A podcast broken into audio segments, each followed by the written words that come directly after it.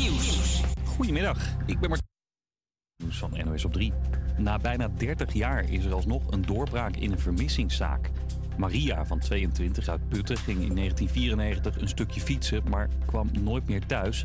De zaak werd opgepakt door de Peter R. de Vries Foundation. Die hoort directeur Kelly de Vries. Wij hebben enkele weken geleden vanuit Duitsland het bericht gekregen dat er een onbekende dode vrouw eh, in 1994 is gevonden in een meer eh, bij het Duitse Soest.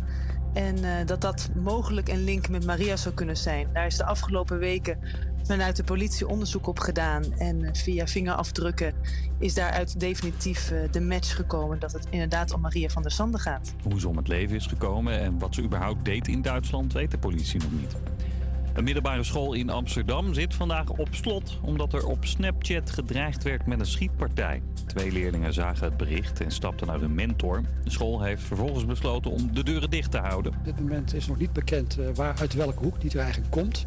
Dan vind ik het niet verantwoord dat we open blijven. Dat kan niet volgens mij. Heeft effect op heel veel leerlingen natuurlijk. 900, waarvan 50 examenleerlingen. Ja, het heeft een enorme impact. Niet alleen op leerlingen, leraren, iedereen. Dus het is enorm uh, naar, heel vervelend.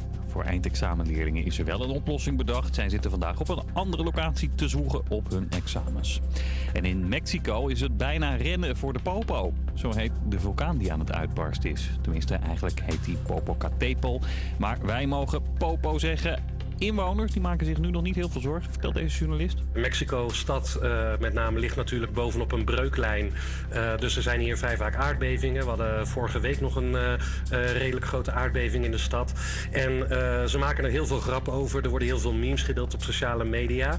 En ze zeggen eigenlijk, nou ja, als we geen aardbevingen hebben, dan hebben we wel een vulkaanuitbarsting. Dus in Mexico-stad verveel je je nooit. Door de uitbarsting zijn al tientallen vluchten gecanceld. Het is trouwens niet voor het eerst dat de Popo in het nieuws is. Hij is zo bekend omdat het een van de actiefste vulkanen ter wereld is. Het weer in Nederland, geen vulkaan hier, maar op steeds meer plekken trekt het wel dicht. Vanmiddag aan de kust nog opklaringen met best wat zon, maar in het binnenland zijn er stapelwolken en het blijft droog bij 14 tot 16 graden. Een hele goede middag iedereen. Het is woensdag 24 mei, 2 over 12 en dat betekent West op woensdag. Wij zijn een radioshow die je meeneemt naar de lekkerste broodjeszaak in Amsterdam-West. Het lokale nieuws vertelt, de leukste opkomende talenten in de studio heeft en nog veel meer. Mijn naam is Julio en ik zit hier samen vandaag uh, of ik zit hier natuurlijk niet alleen vandaag, maar samen met Denise, Ivar en Noah. Coco die zit helaas ziek thuis, dus uh, dat is een beetje jammer. Heel erg jammer. Uh, sorry, Luca. Jeetje, ben je helemaal vergeten. Hoe gaat het beetje met jullie allemaal? Ja, met mij gaat het prima eigenlijk. Ik heb uh, gewoon een lekker weekje gehad. Een lekker weekje. Uh, weer lekker in twee uurtjes live. Nou, lekker. Ivar? Ja, ik moet zeggen, ik, uh, ik kijk wel uit naar, naar, de, naar deze uitzending. Um, er gaat iets speciaals gebeuren. Er gaat zeker iets speciaals gebeuren. Ja, laten we nog niet te veel...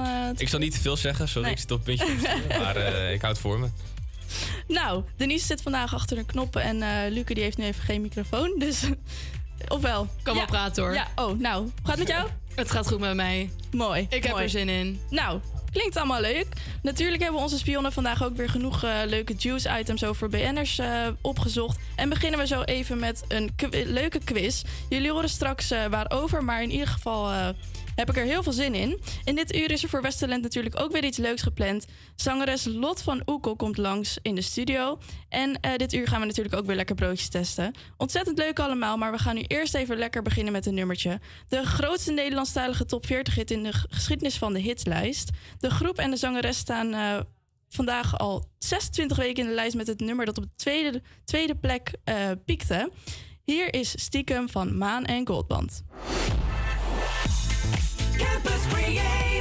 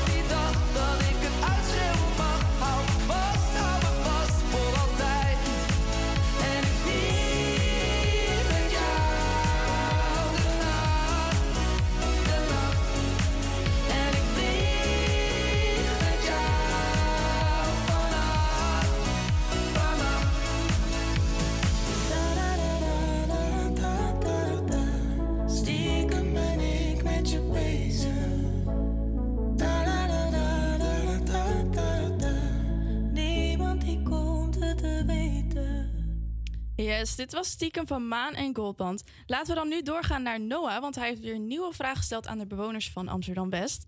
Noah, wat is het onderwerp van deze week? Ja, deze week gaat het over de stemmen, eh, de, de verkiezingen in Turkije. Want vandaag is de laatste dag dat ze kunnen stemmen in Turkije. En ook hier in Nederland kan er hier gestemd worden, in West, ehm, om precies te zijn.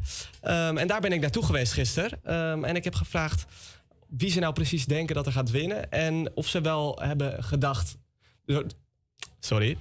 Of ze hebben getwijfeld om nu bij de tweede ronde te gaan komen. eh, omdat er bij de eerste ronde nogal wat rellen waren bij de RAI. Oké, nou laten we even gaan luisteren. Hier in Nederland eh, stemt 68% eh, van, de, van de Nederlanders op Erdo- Erdogan. Eh verbaas je dat?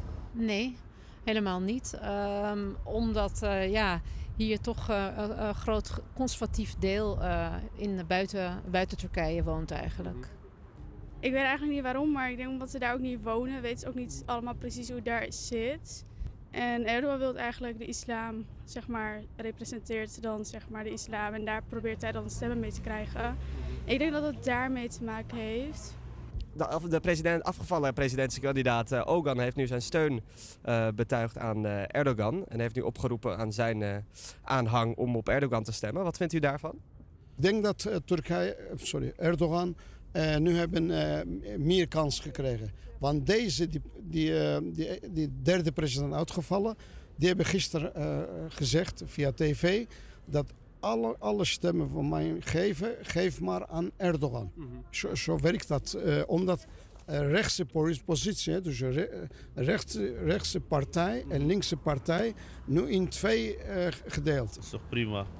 Iedereen moet op Erdogan stemmen. ja. Ja, dat, volgens mij lag dat ook in de lijn der verwachtingen. Ehm, ja, ik denk dat hij eerder voor, ja, voor Erdogan zou kiezen dan voor Kılıçdaroğlu. Dus heel verrassend is het niet, laat ik het zo zeggen. Oké, en heeft u erover nagedacht om eh, deze, in deze tweede ronde niet te gaan stemmen naar wat er gebeurd is in de RAI de vorige ronde? Ik heb bij de eerste keer ook niet gestemd. Dus ehm, ik wou ook eigenlijk ook niet stemmen eerst. Maar toen dacht ik van...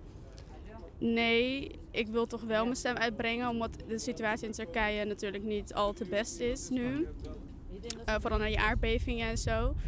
Dus vandaar dat ik nu dacht van, jawel. Nee, totaal geen angst. Ja, het wordt, het wordt allemaal opgezet. En eh, het is gewoon ja, propaganda dat mensen niet moeten komen en stemmen en bang maken. Je moet gewoon stemmen. Iedereen moet stemmen op Erdogan. Nou, eh, die, die mensen gewoon bang. Eh, dat kan ik best voorstellen. Eh, daardoor eh, iets minder geweest. Maar omdat hier in Nederland de laatste dagen niks gebeurt. volgens mij vandaag en morgen, morgen natuurlijk top. Precies, want denkt u ook dat, dat de politie die hier staat ook, een, ook een rol heeft bij dat het geweld nu, nu niet is en waar, waar de, de vorige keer wel geweld was? Zoals nu wat ik zie, nou, het is beter, want er zit overal politie. En die mensen, die, die terrororganisatie, durven niet tegen de eh, Turken, eh, eh, hoe, hoe heet het weer, vechten of, eh, of, of, of ruzie maken. Ehm, nee, want eh, ja, zoals ja, de luisteraars niet kunnen zien, maar wij wel, is er genoeg politie op de been hier. Ehm, en eh, ja, nee, daar schrik ik ook niet van hoor. En het is wel een feest van democratie, hè? Dus eh, Zeker. elke stem telt. Ja, dus eh, vandaag is de laatste dag dat men kan stemmen. Eh, de stembussen sluiten vanavond om 10 uur. De verwachting is dat Erdogan gaat winnen. Eh, heb, heeft, Ivar, heb jij nou een kleine voorspelling voor ons voor vanavond? Nou, ik, ik denk ook wel inderdaad dat eh Erdogan gaat winnen. En ik moet zeggen, kijk, ik, ik ben natuurlijk ook wel democratisch opgevoed. Maar ehm, zeg maar nu met de hele escalatie in Oekraïne en zo... ehm, heeft Turkije een hele belangrijke rol. En ik vind het wel fijn als daar iemand aan het stuur blijft zitten... die weet wat er aan de hand is, zeg maar. En tot nu toe is de, is de oorlog in Oekraïne gebleven, laat ik het zo zeggen. Eh, en ja, dat, dat vind ik wel prettig aan het enige eigenlijk prettig aan Erdogan. En wat ik ook wel interessant vond om te horen, is dat, hè, dat is eigenlijk dus een, een soort van groep Turken naar Nederland gekomen. En aan de behoefte aan identiteit hebben zij hun eigen cultuur behouden. En dat, dat zij daardoor zo conservatief zijn. En dat ze dus nu eigenlijk eh, heel erg veel op Erdogan stemmen daardoor. Omdat hij dat, die islam zo, eh zo, zo promoot. Oké, en denk je dan ook dat, dat, eh, dat nu de, de afgevallen presidentskandidaat Ogan heeft dus zijn steun be- betuigd aan eh, Erdogan. Ehm, en, dus aan zijn aanhang heeft hij gezegd van ja, ga allemaal op eh, Erdogan stemmen. Denk je dat, ook een, dat dat ook een hele grote invloed gaat hebben? Dus, ehm, nou ja, nee, ik denk, denk dat het wel meevalt eigenlijk. Ja? Denk je dat het ik meevalt? Want het waren, waren 5% van de stemmen. Eh, er wordt voorspeld dat het wel echt een redelijke grote invloed eh, is. Ehm, maar ja, we gaan, we gaan het denk ik eh, zien eh, vanavond. Dus eh, ja, dan gaan we weer wat door met wat muziek. Eh, je hoort Pink met Raise Your Glass.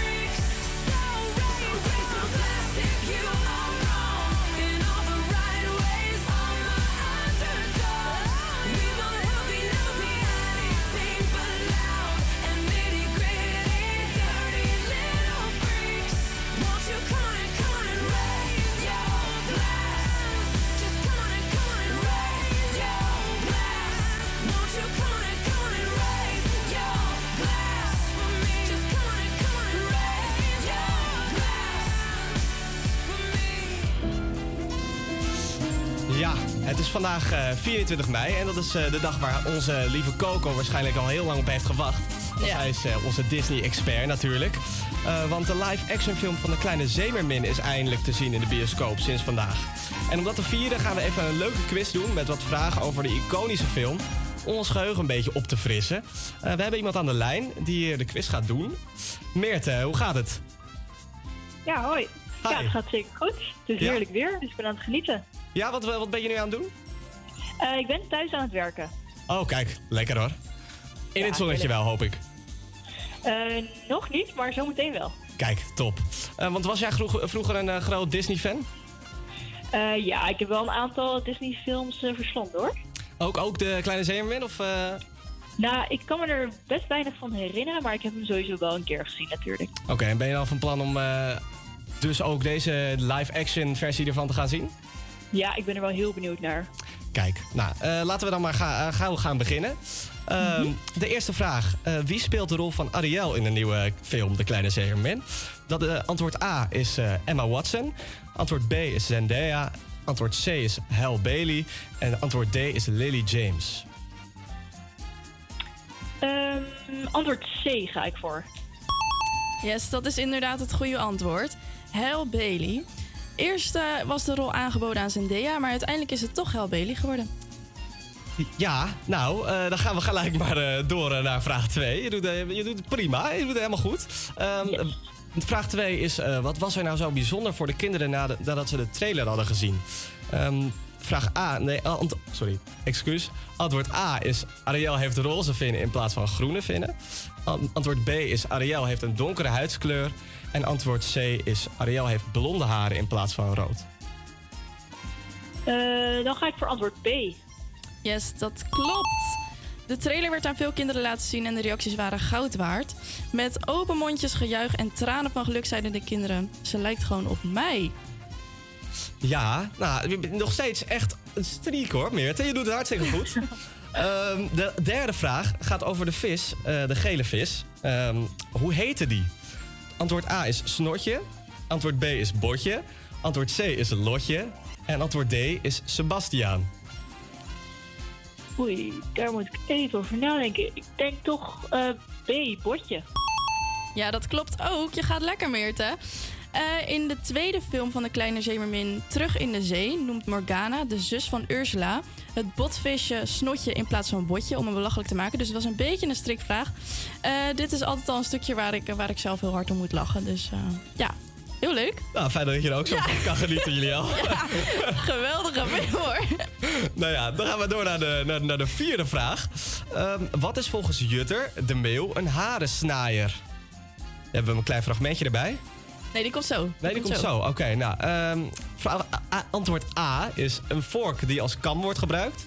Antwoord B is een gevaarlijke vis. Antwoord C is een bepaalde vogel. En antwoord D is een lange staart in de haren van Ariel. Zo, die, eh, die weet ik eigenlijk niet. Ik ga gokken, dan ga ik toch voor antwoord D.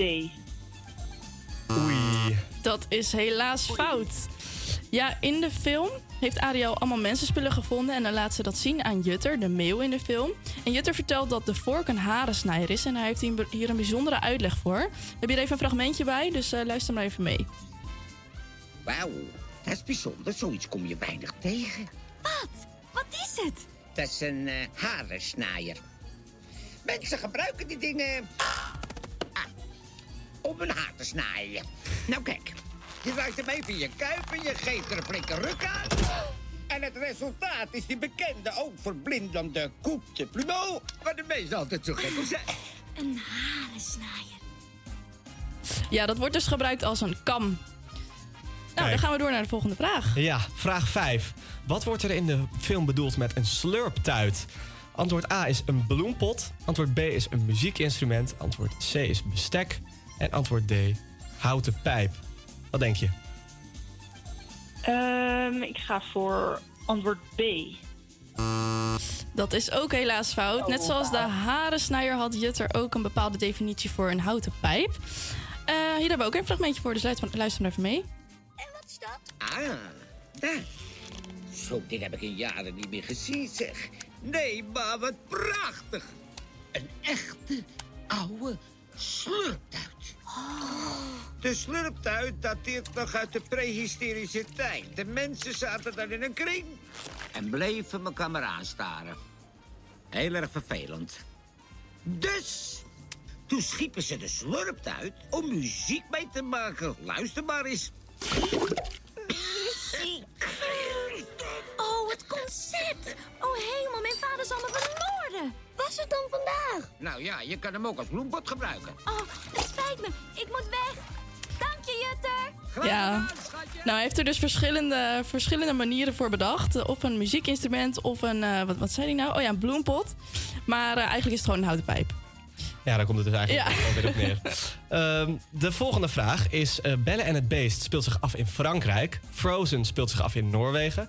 Maar waar speelt de kleine zeemer, zeemermin eigenlijk zich af in de film? Antwoord A is Denemarken. Antwoord B Portugal. En antwoord C de Bahama's. Wat denk je? Zo, ik heb eigenlijk geen idee. Ik ga dan toch voor antwoord C. Dat is ook helaas fout. Hoewel, de film tijdens, eh, of, hoewel tijdens de film nooit is gespecificeerd, hebben de fans al redelijk een goed idee waar de animatiefilm eh, zich afspeelt. Sommigen geloven dat het plaatsvindt in Denemarken, met als grootste aanwijzing dat de auteur, de kleine zee, de auteur van de Kleine Zeemermin uit Denemarken komt. En eh, ja, het verhaal werd bedacht in 1837, dus dat is al best een tijdje geleden. Ja, nou. Heel lang geleden. Ja. Wel redelijk. Maar dan gaan we nu alweer door naar de laatste vraag, Meerte. Want eh, ja, misschien moet je dan, eh, heb je krijg je dan nu nog de kans om jezelf een beetje te revancheren. Ehm, Ja. De laatste vraag. Welke van de volgende liedjes is aangepast voor in de nieuwe film De Kleine Zeemermin? Is dat A, Diep in de Zee? B, Dat is mijn wens? C, Ik heb een droom? Of D, Kus haar dan? Ehm, antwoord B. Kijk. Het is inderdaad antwoord D. Tijdens het nummer gaan Ariel en Erik namelijk op een romantisch boottochtje... waarbij Sebastiaan de Krab eh, hem aanmoedigt om haar te kussen. Voordat het te laat is en voordat zij dus eigenlijk toestemming kan geven. Mensen zijn namelijk erg gevoelig geworden voor het idee... dat prins Erik zichzelf zou opdringen aan Ariel. Oh jezus, ja. Ja, ja. Ik snap hem. Ja, nou, dat was alweer inderdaad- inderdaad dus de laatste vraag. Ja, je hebt het toch wel eh, aardig goed gedaan. Ehm, dus dan is het nu eh, tijd eh, voor jouw verzoeknummertje. Je mag een eh, verzoeknummertje gaan doen. Welke nummer zou jij graag, graag willen horen? Eh, dan kies ik voor het nummer New Light van John Mayer. Kijk, nou, we starten hem in. Super bedankt, hè? Heerlijk. Jullie bedankt. Succes. Doei doei.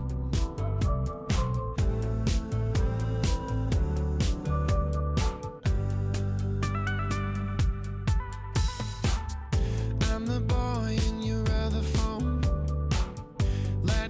inside your drawer at home, all alone. Pushing 40 in the friend zone. We talk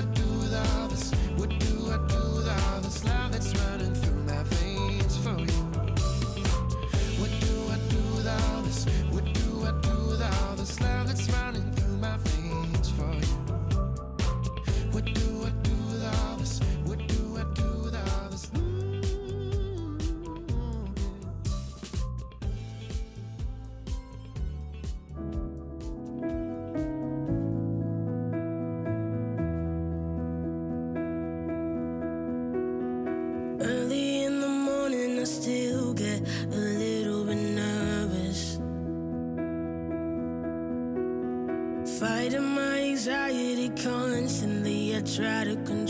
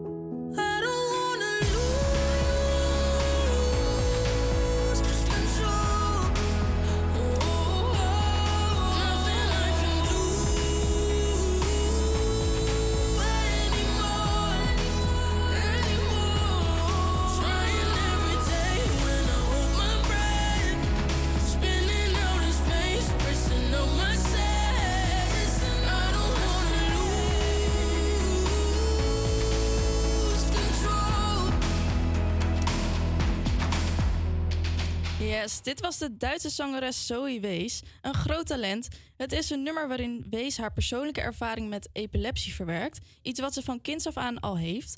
En door haar epilepsie voelde Wees zich depressief, hopeloos en buitengesloten. Het is ook een beetje een eerbetoon aan haar muziekdocent, bij wie ze veel steun vond. De docent werkte tijdens en na haar schooltijd met Wees aan haar stemgeluid, waardoor Wees zich eh, muzikaal steeds meer ontwikkelde. En iemand die zich muzikaal ook steeds meer ontwikkelt is een nieuw talent uit West. Denise, take it away met West Talent. Staat op de radio komen met je demo hoog op je bucketlist. Elke week gaan wij op zoek naar talenten in en rondom Amsterdam West om bij ons in het zonnetje te zetten.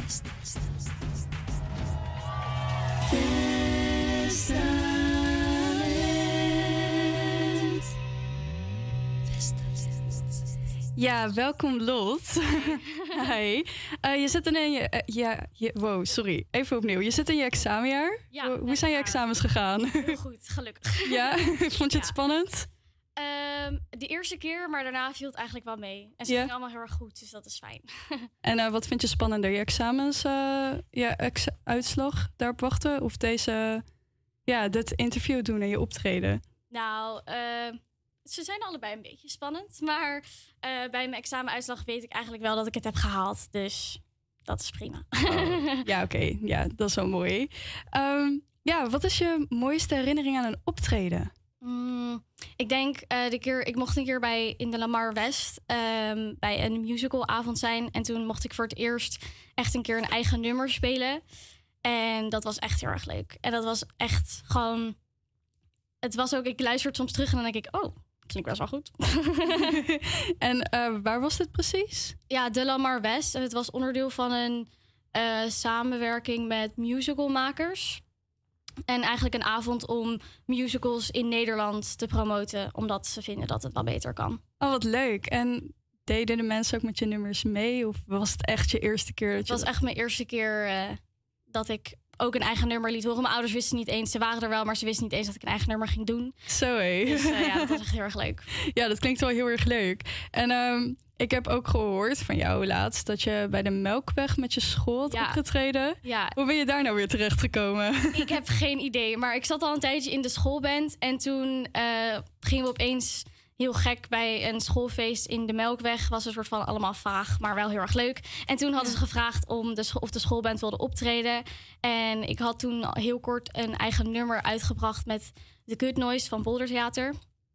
En ehm, toen waren ze van, ja, wil je die spelen met de band? En toen zei ik, ja, heel graag. Dus toen stond ik opeens eh, in de Melkweg. En hoe was dat? Ja, echt heel erg leuk. Ook omdat het was dus al een tijdje uit en ik had het al wel aan andere mensen laten horen. Dus toen opeens stond ik het te zingen en toen zongen mensen mee. De hele zaal zong, zeg maar. Zo is, ze kenden gewoon je nummers uit je ja. hoofd. Ja, dat is wel heel erg vet. Vond je het niet spannend? Want de Melkweg is wel groot. Heel spannend. ik stond echt trillend op mijn benen, maar gelukkig ging het heel erg goed. En hoeveel mensen zaten daar? Ja, eh goede vraag. Het was bijna onze hele school. Dus dat zijn, denk 500 mensen of zo. Zo er waren. Ja, wel heel erg leuk. En eh, heb je nog aankomende optredens op de planning staan? Nee, eigenlijk nog niet. Die komen er vast wel aan, maar ik stond laatst bij Ita, bij Pack the Mic. En dat was heel erg leuk. En voor nu dit. Je moet nog even bijkomen van je examens. Ja, zeker. en wat zijn je dromen voor later? Oh, dat is wel ver weg nog. Maar eh, ik zou het heel erg leuk vinden om in mijn tussenjaar, want dat ga ik doen, eh, een EP of een album uit te brengen. Tof. Dat lijkt mij heel erg leuk om te doen. En hoeveel nummers wil je daarop hebben? Goeie vraag. Als het me lukt, zoveel mogelijk. maar laten we een minimum zetten op vijf of zes nummers of zo. En je hebt er nu? Ik heb er heel veel. De vraag is of ze goed zijn. Maar eh, het is ook nog een beetje de vraag: wil ik het in het Engels, in het Nederlands? Dus er zijn nog heel veel keuzes die gemaakt moeten worden. Nog even je eigen weg vinden. Ja, precies. En eh, ja, welke nummers ga je zo spelen? Ehm, ik ga er twee doen. Ik ga eh, Verzopen en eh, A Little Life. En waar gaan die over? Verzopen gaat eigenlijk over dat ik het gevoel heb dat ik geen tijd heb om alles te doen wat ik wil doen. Maar dat iedereen zegt, ja nee, neem de tijd. Het komt allemaal wel goed. Genieten van je leven. Maar ondertussen ook heel veel dingen verwachten. En A Little Life gaat eigenlijk over een boek dat ik heb gelezen. A Little Life. En dat heeft letterlijk mijn leven veranderd ongeveer. Ehm, aangezien ik denk er nog steeds over na. En ik vond het gewoon een heel mooi en intrigerend boek. En toen eh, iedereen was een beetje klaar met mij die erover praten. Dus toen dacht ik, ah, dan schrijf ik er wel een liedje over. Dus als ik het goed begrijp, haal jij je inspiratie uit en gebeurtenissen die je zelf hebt meegemaakt, maar ook boeken die je hebt gelezen. toevallig wel, ja. Wat tof. en is dat gewoon zomaar gebeurd? Of dacht je gewoon, ja, ik, ik ga een boek uitkiezen en daar ga ik wat over schrijven? Nou, het was eerst eigenlijk, het begon als een liedje over allemaal verschillende boeken. Maar toen had ik nog een paar andere stukjes geschreven over dat specifieke boek. En toen dacht ik, ja, andere boeken die gaan er gewoon uit. Ik ga het gewoon alleen over dit boek doen. En het was eigenlijk, ik speelde een soort deuntje. En toen keek ik om me heen van, oh, wat kan ik gebruiken? Gewoon als oefening voor mezelf. En toen zag ik het boek liggen en dacht ik, oh. En hoe heet het boek? A Little Life van Hanya Janneke Hara. En is dat ook je favoriete boek of heb je een ander boek die je heel graag Nou ja, het is, ik denk wel dat het, ik, het is vooral het beste boek dat ik heb gelezen. Maar het soort van mijn favoriete boek weet ik niet, omdat het is wel heel heftig. Ja, want waar gaat het over? Ja, het gaat eigenlijk over vier mannen die in eh, New York wonen. En je gaat eigenlijk hun leven, beleef je eigenlijk mee. Maar er is er met name een en die heeft gewoon heel veel trauma in zijn leven gehad. Echt gewoon, ja, seksueel misbruikt eh, en dat soort dingen. Als in, je zou zeggen, het houdt maar niet op en het bleef maar komen. En je maakt eigenlijk mee hoe hij liefde vindt en hoe dat is. En dus het is gewoon heel heftig. Ik hoop dat ik nooit zoiets mee hoef te maken. Ja, dat hoop ik ook niet. wat een mooi verhaal. En wat heeft dan precies dit verhaal specifiek ervoor laten zorgen dat jij hier een lied over ging schrijven? Wat maakt het zo uniek? Nou, ik vond het heel mooi hoe het soort van ehm, het liet zien hoe moeilijk het is om eh, liefde te accepteren van iemand als je het niet snapt dat je dat verdient. Hij heeft een heel slecht zelfbeeld en dat eh, zorgt eigenlijk voor dat op een gegeven moment krijgt hij een relatie en die ander houdt immens veel van hem, maar hij kan dat gewoon niet accepteren en niet zien. En ik vond dat heel interessant, omdat ik altijd had gedacht zo van, oh ja, als je van iemand houdt of als je iemand lief hebt, dan maakt het niet zoveel uit en dan komt het altijd wel goed. Terwijl het kan misschien ook heel lastig zijn om die liefde te kunnen ontvangen. Het is niet vanzelfsprekend. En heb je dat zelf ook meegemaakt? Nee, ik heb een hele heel fijn gezin en een heel fijne familie en fijne Mooi vrienden en zo. zo. maar het was gewoon vooral dat ik dat heel mooi vond hoe ze dat beschreef. En eh, gaat het dan allemaal vanzelf hoe je dan hier verhalen, ja, liedjes over schrijft? Of ben je ooit ergens begonnen? Eh, ja, ik eerlijk gezegd dacht ik altijd dat ik niet goed genoeg was. En vond ik het heel eng om liedjes te gaan schrijven en überhaupt dat te bedenken. Ehm, en toen in de lockdown ben ik piano gaan spelen. Want ik zong toen helemaal nog niet. Ik zat wel op gitaarles. En toen ehm, eigenlijk begon ik daarbij te zingen door een vriendin van me. Die zei van, oh ja, ik heb zo'n app waar akkoorden op staan. En dan kan je erbij zingen en weet ik wat allemaal. En toen dacht ik, ah, leuk, ga ik ook doen. En toen is dat een beetje een uit de hand gelopen hooi geworden... waardoor ik nu niet kan ophouden met zingen en schrijven. Wat bijzonder. Dus je bent door de lockdown ben jij eigenlijk meer muziek gaan maken en gaan zingen. Zeker. En piano gaan leren. Ja. Ja, wat tof. En hiervoor deed je dus eigenlijk niks met muziek. Eh, ik speelde al heel lang gitaar, vanaf groep drie of zo.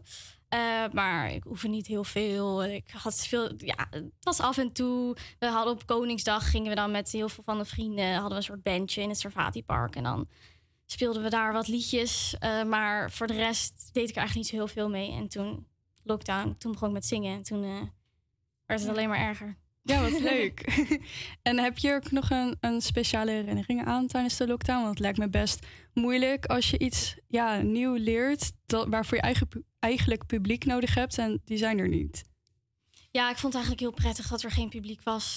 Eh, eh, als ik nu ook, ik maak heel veel filmpjes van mezelf. En als ik nu ook filmpjes terugluister, dan denk ik, oh, oké, ik hoop dat we zijn verbeterd. Ehm, en het was eigenlijk gewoon heel prettig om het in een heel, ja, in, in mijn kamer te doen. En gewoon heel, ik wilde ook eigenlijk eerst niet dat mijn ouders het hoorden, omdat ik gewoon heel bang was dat het ja, niet goed genoeg was. Had je plankenkoorts of was je gewoon onzeker? Gewoon onzeker. Ik speelde ook heel veel toneel, dus ik, ja, ik hou van op het toneel staan. Maar zingen is toch iets, ja, je kan het iets minder van je soort van je afzetten. Want het, is, het, gaat, het gaat over jou en je bent aan het zingen. En als je het niet goed doet, dan is dat echt wel je eigen schuld. Terwijl als je, ja, als je weet ik veel, iets vergeet eh, in een toneelspel, dan kan je dat meestal wel oplossen.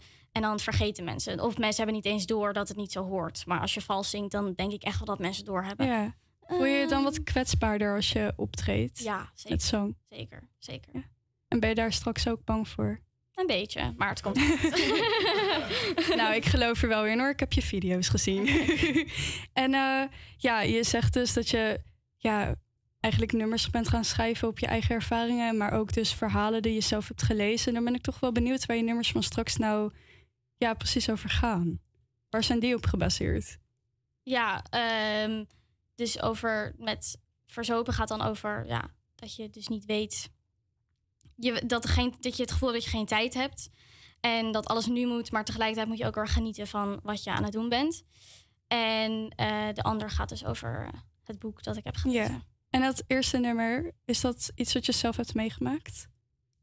Nou, ik denk dat het voor heel... Ja, nou ja, ik ben natuurlijk nog heel jong en eh, 18 jaar. Hoe oud- Ik bedoel, oh ja, 18 jaar. eh, Niet, eh, ik heb nog, een half, nog maar een heel klein leventje meegemaakt. Maar ik denk dat je wel, zeker soort van met de middelbare school... dat je moet gaan bedenken, oh, wat wil je gaan studeren? Wil je überhaupt gaan studeren? Ehm, wat wil je dan niet gaan doen? Wat wil je wel gaan doen?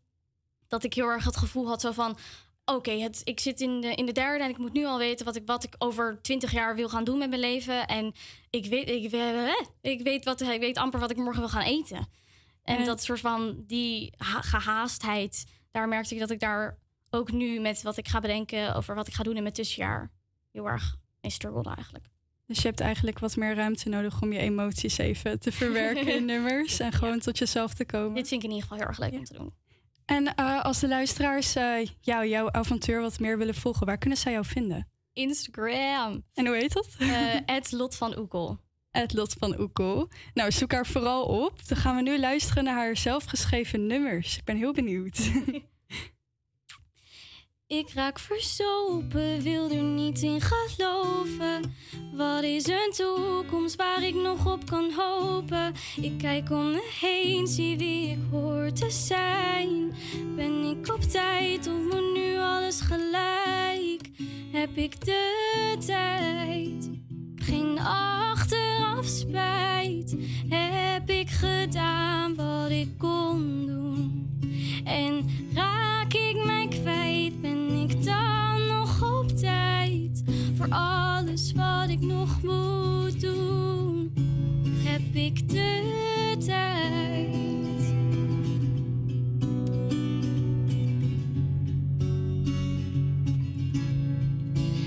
Ik heb gelogen, durf nu niet te geloven dat ik beloof om mezelf te zijn. Ik raak mij kwijt in het vinden van mij. Ik luister naar jou en zet mezelf opzij.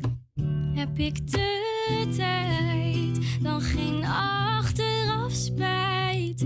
Heb ik gedaan wat ik kon doen?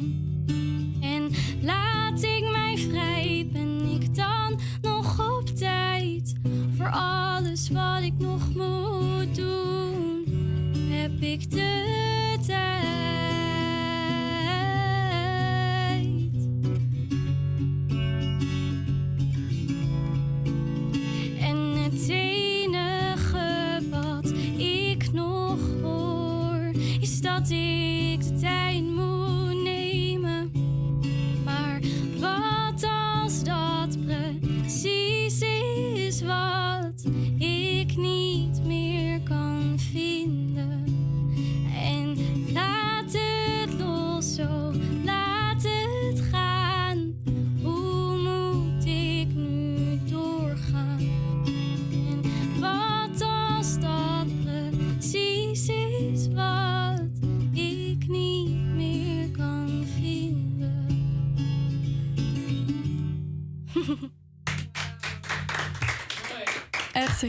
Erg mooi. Ja. en dat heb je helemaal zelf geschreven. Ja, ja. Echt heel tof. Ja, eh, ik heb trouwens heel snel een vraagje tussendoor. Mhm. Kunnen de luisteraars dit vinden op Spotify? Nog niet. Ik ben er heel hard mee bezig. Komt eraan. maar een ander liedje kunnen ze wel op Spotify vinden. Genaamd Morgen is later vandaag. Hey. Het is een groene cover met The Good Noise. En eh, hoe heet eh, jouw Spotify-account? Volgens mij gewoon Lot, L-O-T, hoofdletters. Maar je kan beter gewoon het liedje opzoeken en dan sta ik er ook bij. En dan kan je hem ook volgen en zo. Helemaal. nou, ik ben heel erg benieuwd naar jouw tweede nummer. Ja.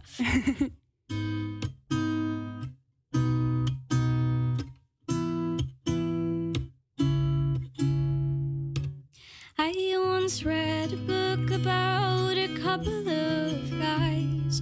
They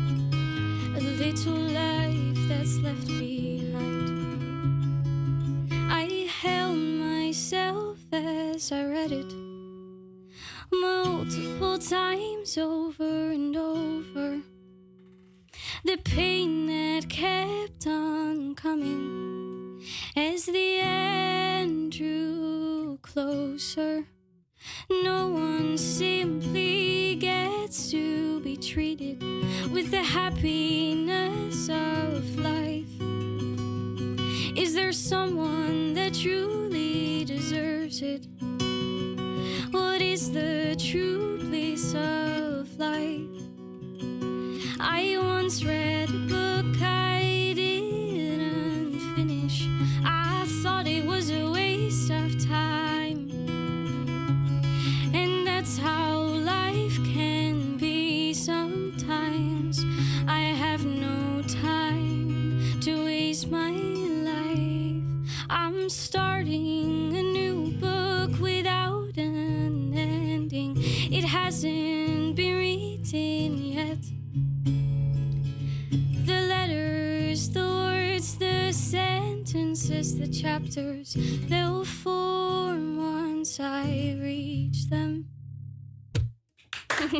Ja, dat verdient wel een heel groot applaus. Dankjewel.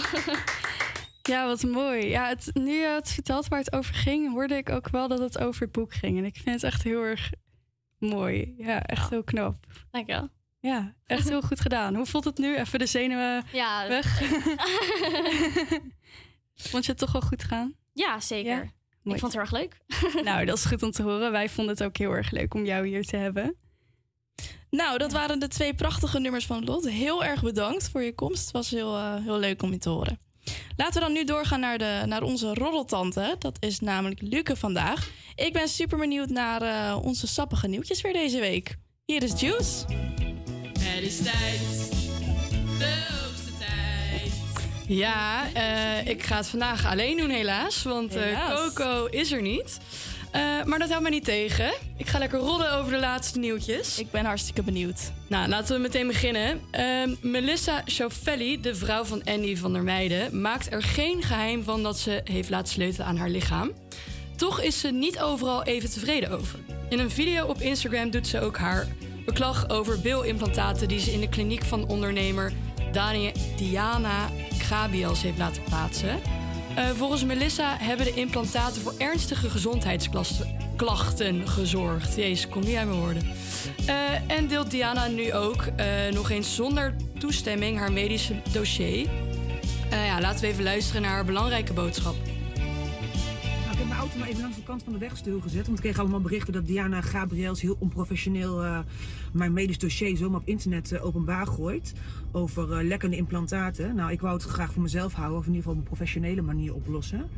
Maar ehm, zij gooit blijkbaar alles heel gauw ehm, online, omdat ze zichzelf in wil dekken. Ik had inderdaad eh, lekkende implantaten vijf jaar geleden bij haar gezet. Spuug en spuug lelijk. Zaten ongeveer in mijn rug. Ehm, nou, vijf jaar lang heel ziek geweest. Uitvallen, vijf keer eerste hulp. eh, door mijn benen heen zakken, flauw vallen op het schoolplein. Wat blijkt, implantaten in acht stukken. Nou, als zij mij belooft levenslange garantie, ga ik daarvan uit. Verwacht ik niet dat ik ze elk jaar hoef te checken. Ze zijn er nu uitgehaald en vervolgens ja, geeft ze natuurlijk weinig gehoor. Mijn dossier heeft ze niet opgestuurd. Eh, ik krijg helemaal geen eh, reactie zoals gewoonlijk. En als zij zo, zo graag online wil gooien wat mij is overkomen, dan eh, zal ik ook mijn verhaal doen. En ik roep daarbij iedereen ook op die bij haar implantaten heeft laten zetten of via haar om je echt te laten testen voordat het te laat is. Voel je je ziek, eh, heb je rare klachten, laat je testen. Want je leven is echt belangrijker dan mooi zijn. Dus iedereen die daar implantaat heeft gezet of via haar, ga een echo laten maken. Want voor je het weet is het te laat. Ja, en volgens mij is zij ook op eh, Boos geweest, toch? Ivar, jij had dit gezien? Ja, klopt. Ja. Ja, er is een aflevering eh, van Boos eh, waarbij Tim Hofman eh, bij haar achteraan gaat eigenlijk. Omdat- Over dus Diana ja, Gabriels. ja, zelfde klachten. Dat zij inderdaad niet medisch is aangelegd met allemaal te doen. eh, dat er eigenlijk gewoon helemaal geen, ja, geen kloot van klopt eh, wat ze doet en wat ze zegt. Ja. Eh goede episode, ik zou hem aanraden. Ja, bizar. Ja, Ja, ik, en dan eh, ben je- Heftig dit, heel heftig. Ja, die Diana Gabriels is helemaal geen arts, geloof ik. Nee. En eh, ze heeft dus ook helemaal geen medisch diploma of iets. Eh, ja, dus het is echt een mega slecht voorbeeld eh, dat zoveel Zeker. influencers eh, met haar samenwerken. Ja. Eh, want het is gewoon ontzettend slecht voor je gezondheid, Ja. ook überhaupt. Dus influencers, jullie stimuleren dat. Ja, precies. Ja, en stop ermee. Nou, door naar de volgende. Mart Hoogkamer moet op doktersadvies eh, rust nemen. De agenda van de volkszanger is tot 1 juli leeggehaald. Volgens het AD is er een bloedonderzoek gaande, maar nog geen definitieve, definitieve diagnose te stellen. Eh, de 25-jarige artiest zal de komende weken niet beschikbaar zijn om commentaar te geven. Eh, en in, in, een persoonlijke boodschap zet, zegt Hoogkamer dat hij over zijn grenzen is gegaan. Eh, hij zegt dan ook, de aankomende weken wil hij eerst tot rust komen en een nieuwe balans vinden tussen zijn passie muziek en zijn eigen energieniveau. Eh, ja, BN'ers steunen massaal Eloïse van Oranje na ophef over een badpakshoot. En wellicht hebben jullie het op Instagram voorbij zien komen van BN'ers zoals Chantal Jansen, Gwen van Poorten en Jan Versteeg. Eh, zij plaatsten bikinifoto's op Instagram, of eh, Jan Versteeg een badpakfoto, eh, met de hashtag Mag dit wel van Jeroen Snel. De trend is ontstaan door veel ophef na de eerste aflevering van het perfecte plaatje, waarin Eloïse van Oranje gefotografeerd wordt in een badpak. Eh, er zijn veel negatieve reacties, zoals ongepast als lid van koninklijke familie. En eh, royalty-deskundige Jeroen Snel had hier ook wat van te zeggen. Hij zei namelijk ehm, ja, dat het een grensgevalletje is dat zij met die fotoshoot eh, heeft meegedaan. BN'ers hebben hier massaal op gereageerd met de trending hashtag. Ja, wat vinden jullie hiervan, jongens? Ja, ik snap wel dat het een beetje op het randje is. Maar ja, die Eloïse, zij heeft ook bijvoorbeeld een TikTok-account en daar doet zij ook heel veel mee. Ja, ja. en ik vind dat dit op zich nog wel kan. Ik bedoel, ze staat niet, eh, niet in eh, bikini net op het randje op, op tv. Ja, ik vind het, ik vind het nog wel kunnen eigenlijk. Nee, precies. En ik denk ook wel erg, tijden veranderen ook wel een beetje. Wat vind jij ervan, Ivar?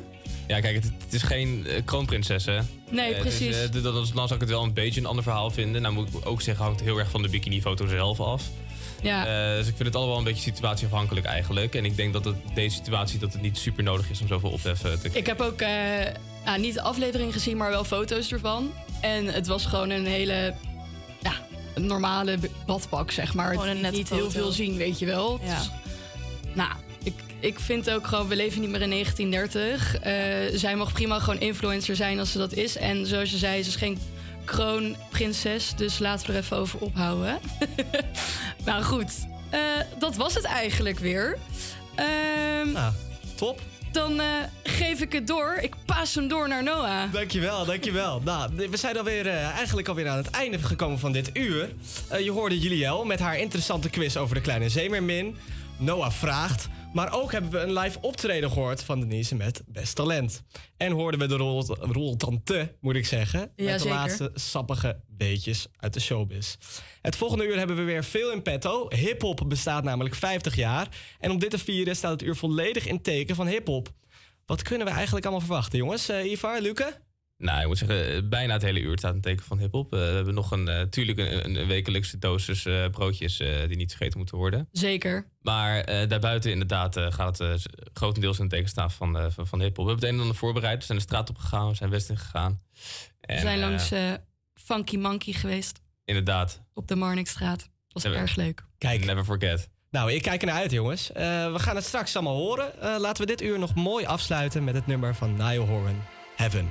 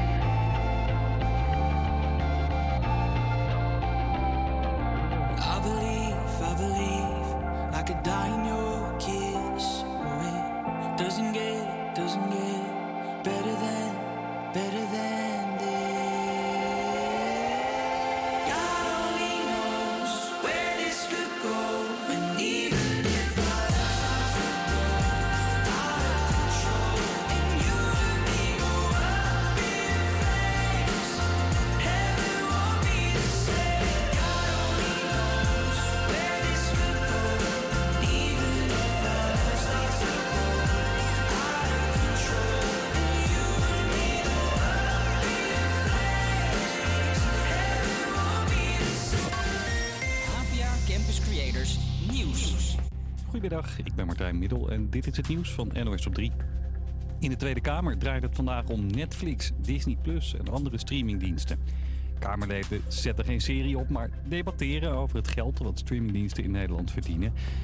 Gaan nu voor een groot deel naar internationale series. En dat is een dingetje, vertelt mijn collega Nick. ligt een wetsvoorstel om die bedrijven te verplichten een deel daarvan in Nederlandse producties eh, te laten investeren. 4,5% van hun omzet moet dan naar Nederlandse producties gaan, Nederlandse films, series, documentaires, om te voorkomen dat er helemaal geen Nederlandse series meer gemaakt worden en ze dus te verplichten, steek het maar, wat je verdient, ook in- in Nederland, in Nederlandse producties. Dan is het nog maar de vraag welke Nederlandse producties het geld toe moet. Sommige partijen zeggen bijvoorbeeld dat het misschien ook naar reality tv en quizzen moet gaan. De politie in Duitsland heeft huizen van klimaatactivisten doorzocht. Waren invallen in 15 plaatsen. Leden van de organisatie worden verdacht van deelnemen aan, deelname aan een criminele organisatie. Ze zouden een kerstboom hebben doorgezaagd, blokkeerden wegen en lijmden zich vast in musea en in luchthavens. Ook worden er twee verdacht van, een, ervan verdacht een oliepijpleiding kapot te hebben gemaakt. Er is nog niemand opgepakt. En tientallen militairen hebben hun opleidingsbudget gebruikt om een dure tiendaagse barbecue-cursus te betalen. Volgens de Telegraaf kregen ze beide lessen een Green Egg barbecue cadeau. Toch kan zo'n cursus de militairen helpen bij het zoeken van werk na hun diensttijd, zegt deze vakbond. Op het moment dat jij namelijk eh, eh, barbecue eh, lessen gaat geven in een evenementenbureau, dan zou dat een plausibele verklaring kunnen zijn. Maar dat ligt heel sterk ja, van wat, wat wil je. Defensie beschuldigt de militairen van het misbruiken van tienduizenden euro's aan opleidingsgeld. Tegen een aantal van hen is aangifte gedaan. Ze mogen geen vergoeding aannemen voor spullen die ze privé gaan gebruiken. Heb ik nog het weer? Nou, vrij veel bewolking. Al is het langs de kust best zonnig vanmiddag. 14 tot 17 graden. Morgen meer zon en 1 of 2 graden warmer. Ja, goedemiddag iedereen. Welkom terug bij West op woensdag. De tijd gaat onwijs snel, want we zijn alweer bij het tweede uur aangekomen. Ivar, heb jij er een beetje zin in? Ja, en hoe? En hoe? Eh, we hebben weer een quiz. Eh, we hebben weer broodjes. Eh, we hebben. En we hebben heel veel hip-hop. We hebben heel veel hip-hop, ja. Maar dat, Ja. Is, dat, dat, is, dat is goud waard. Zeker, zeker. Ja, om te vieren dat hip-hop 50 jaar oud is dit jaar, geven wij daar extra aandacht aan deze uitzending. Eh, nu lekker toepasselijk dan ook. Hip hip eh, hi- hip hop hooray van Naughty by Nature. Campus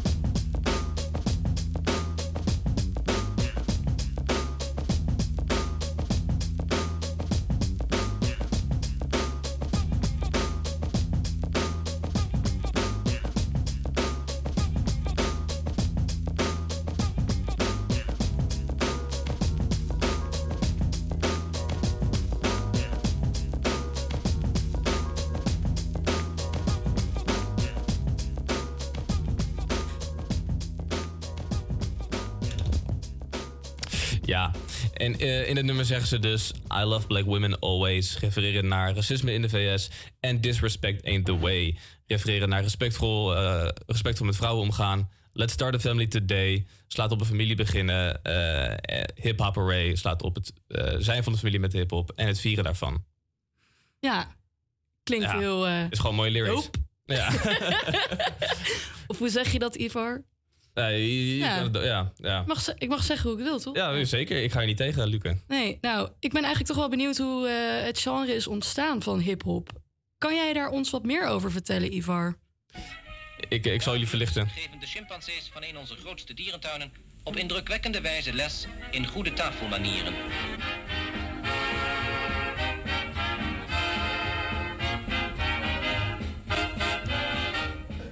Welkom bij de Geschiedenquiz.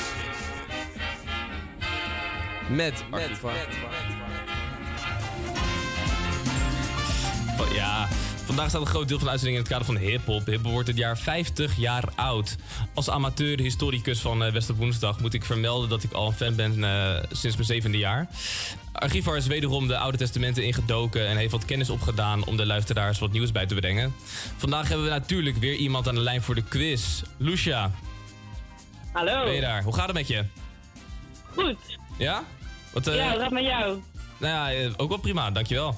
Je bent de eerste die het vraagt. Je bent echt ongelooflijk. Eh, we hebben meerdere mensen die eigenlijk eh, gebeld vanuit de uitzending, maar jij bent de eerste die het vraagt.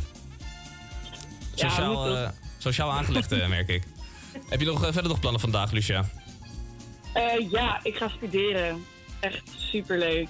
Ja, weet niet, vind je dat leuk of... eh, Nou, ik, eh, ik heb er wel moeite mee. Maar verder in de avond heb ik ook eh, familieavond, altijd op woensdag. Dus dat is superleuk. Oké, en eh, ben jij een beetje thuis in de, in de hip-hop scene? Of, eh, Nou, eigenlijk niet. Oké, dus dan moet je, ga je nu eigenlijk weer studeren. Heb je eigenlijk een break, maar eh, je gaat weer leren. Ja, inderdaad. Oké, nou... Maar dat vind ik toch wel leuk hoor. Oké, gelukkig maar. Want eh, het, werkt zo, er zijn vijf vragen. Als je er drie van de vijf goed hebt, dan eh, kan je een nummertje aanvragen. Alright. Ja? Oké. Ready? Ja. Oké, daar gaan we. We beginnen bij de oorsprong. Op 11 augustus 1973 werd er een feestje gegeven in de Bronx door DJ Kool Herc. Op dit feestje kwamen er vier elementen samen die samen werden gebundeld tot hip-hop. Welke van de volgende opties is een element van hip-hop? Is dat A. Breakdancing? Is dat B. Graffiti? Is dat C. DJing? Of is dat D. MCing? Wat was A? Breakdancing. Breakdancing? Graffiti, DJing of MCing? Ik heb echt geen idee. Ik ga voor D. Ga voor D. Nou, alle vier waren helemaal goed, dus eh, ge- geen stress. Een belangrijke kanttekening om te maken eh, is dat veel mensen uit de graffiti-gemeenschap beweren dat graffiti geen onderdeel is van hip-hop. Volgens hen bestond hip-hop al in de oudheid, in de tijd van de Romeinen. En heeft het dus al eh, een lange geschiedenis, lang voordat hip-hop zelf bestond. Dan vraag 2. Waarom heet breakdansen breakdansen? Is dat antwoord A, omdat men veel kon breken tijdens het oefenen? Is dat antwoord B, omdat men veel pauzes nam tijdens het oefenen? Of is dat antwoord C, omdat men danste op de break van de geremixte disco slash soulmuziek? Eh, ik ga voor C. Nee, C is goed, inderdaad. Eh, C is goed antwoord. In de oude disco-nummers zit een zogenaamde break. Doordat de DJ's twee breaks door elkaar gingen heen mixen, ontstond er een nieuwe beat die vaak vol zat met drums. Eh, soms met wat elektrische invloeden. Luister even mee, daar hebben we een, eh, een kleine eh, fragment van.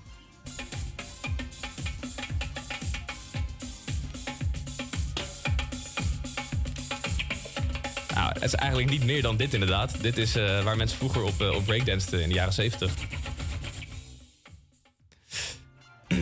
Nou, dan vraag 3. Ben je er nog, Lucia? Ik ben er nog. Goeie zaak. Ehm, vraag 3 is: wat betekent rap? Is dat A. Rhymes and poetry? Is dat B. Rhythm and poetry? Is dat C. Rhymes and pencils? Of is dat D. Rhythm and pencils? Oeh, ik denk B. B is goed. Eigenlijk is het, een, eh, is het woord rap een afkorting voor rhythm and poetry. Het is hierom dat vroeger in rap dingen zoals rijmpatronen zo ontzettend belangrijk eh, waren en wordsmith nog echt een waar compliment was. Dan, vraag 4. Een befaamde hip-hop artiest, onder andere bekend geworden door zijn koptelefoons, is Dr. Dre. Met welke van de volgende hip-hop artiesten heeft hij niet echt affiniteit? Is dat A. Ice Cube? Is dat B. Eminem? Is dat C. Public Enemy? Of is dat D. Snoop Dogg? Dus waar heeft Dr. Dre geen affiniteit mee? Ehm, Snoop Dogg.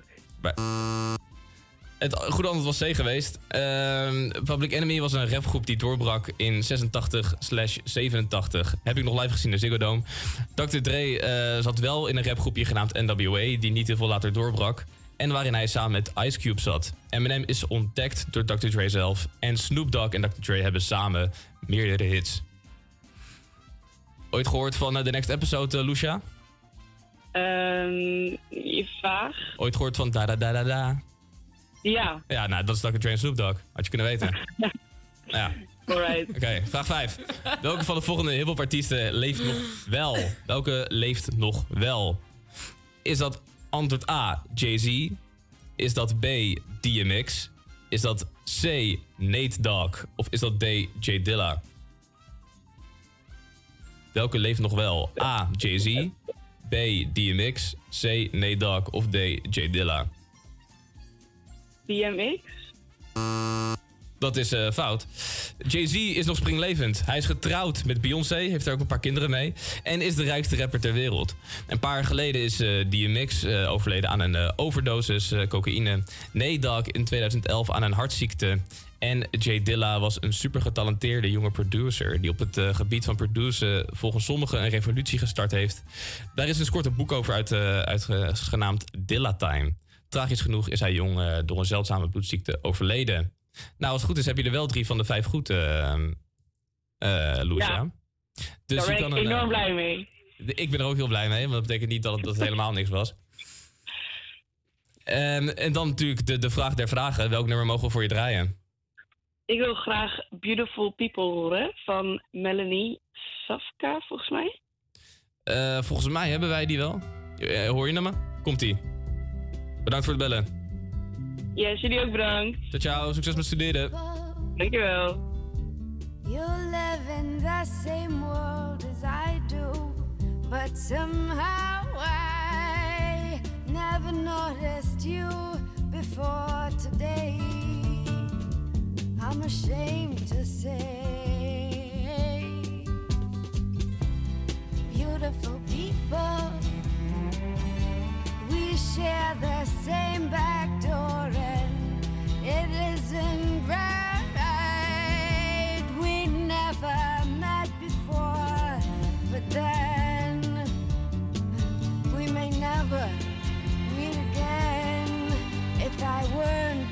afraid you'd laugh at me, I would run and take all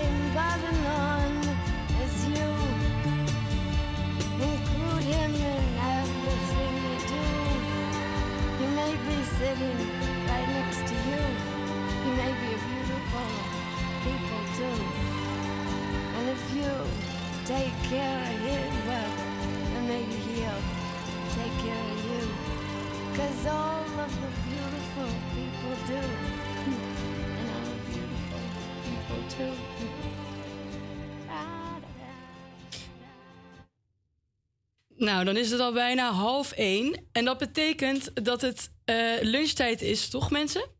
Half twee trouwens, sorry. Ik zie jou zijn naar mij, maar eh, ik had het niet door. microfoon aan? Oh ja, nu wel.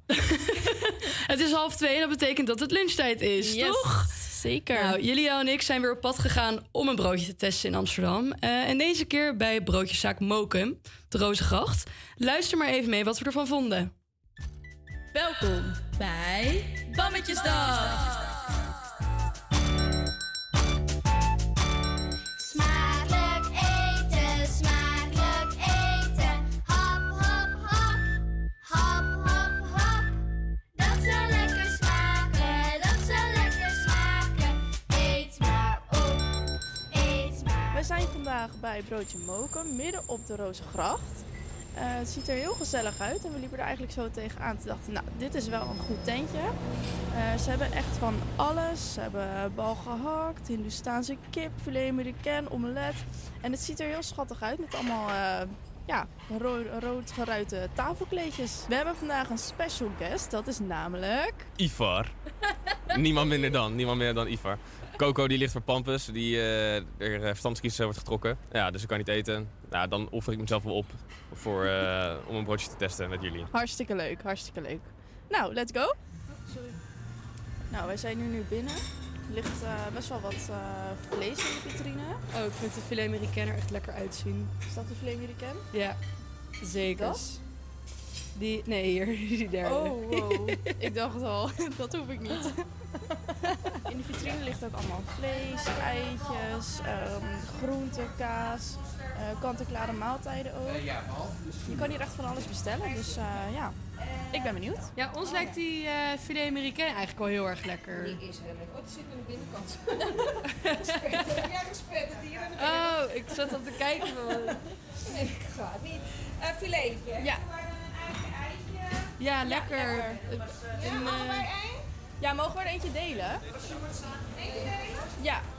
Nou, we hebben onze broodjes eh, op tafel. We wilden er eentje delen, maar eh, volgens mij zijn hele stokbroden hier fucking groot. Maar ja, het ziet er wel heel lekker uit. Inderdaad, ja, ik heb een broodje Jorda- Jordaanse bal. Ehm, ik moet zeggen, hij is inderdaad flink.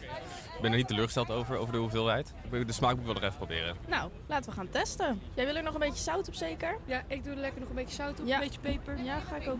Nou, we hebben net allemaal onze, onze broodjes gegeten. Luke, wat vind jij van, eh, van het hele broodjes gebeuren? Ik vond het erg lekker. Heel veel. Maar ik weet niet hoeveel het kost. Eh, dat, is- daar zit ik dan nu de hele tijd over na te denken. Ivor zei dat hij denkt dat het gratis is. Dus ehm, dan moeten we daar maar van uitgaan. Ik zie inderdaad nergens een prijs staan, dus eh, vandaar die, eh, die conclusie. Maar ja, mijn broodje zat iets te veel mosterd op in verhouding tot eh, vlees. En het eh, was een pittige mosterd, toch? Dus het was vrij pittig dan. ik zag hem ook helemaal rood worden net. Dus. Nou, ik had ook een broodje filet americain. En eh, ik moet eerlijk zeggen, ik zit op de helft. En ik krijg het gewoon echt niet op. Ja, ja. Ja, we zijn gewoon echt aan het strijden. Want het is letterlijk gewoon een heel stokbrood. Het is gewoon hoeveel centimeter? 25 centimeter of zo? nou, kijk hoe groot het is. 25. Oh, oh. Hiervoor dacht dat, het, dat ik zei 50 centimeter. Maar dat, dat, eh, dat is wel heel overdreven. Maar voor de rest was het wel hartstikke lekker. De filet americain is zelf gemaakt. Dus eh, ja, top. Ik zit volgens mij helemaal onder de filet americain. Ja, je vingers vooral. Mijn tanden zijn ook helemaal oranje. Lekker, Luca. Ivar, hoeveel sterren geef jij dit? Ehm, ik, eh, iets, te, iets te pittig broodje. Eh, de ervaring was wel echt Amsterdams, want de, de lui hier achter de balie, dat zijn echt, echt wel ras Amsterdammers. Dat was heel leuk. Eh, alles bij elkaar genomen geef ik het 3,5 ster. Ik sluit me daarbij aan. Zo, ik zit helemaal, mijn mond zit helemaal vol nog. Sorry. Ja, ik geef het ook 3,5 ster. Nou, volgende week gaan we weer nieuwe broodjes testen. Eh, dus tot dan. Doei. Dag. Ciao. Nou, was best lekker toch?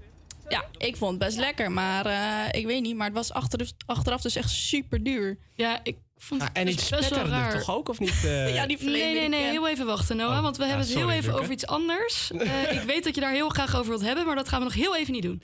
Ehm, die prijs, dat zet je toch meestal op een menukaart? Ja, lijkt Ik me voelde ook. mij raar om te vragen aan die vrouw van... hey, hoeveel duur? kost het eigenlijk? Alsof het soort van overbodig was om dat te vragen. Want het stond niet op de menukaart. Maar is, ook niet eh, met borden aangegeven of zo? Nee. Soms zie je weet je, Nee, zoveel voor nergens. zoveel euro, maar dat stond ook Nee, nergens. nee. Dus het was eh, ja, gissen, gissen in het duister. Maar is het dan ook niet zeg maar de bedoeling dat je moet gaan onderhandelen over hoeveel je gaat betalen voor dat broodje?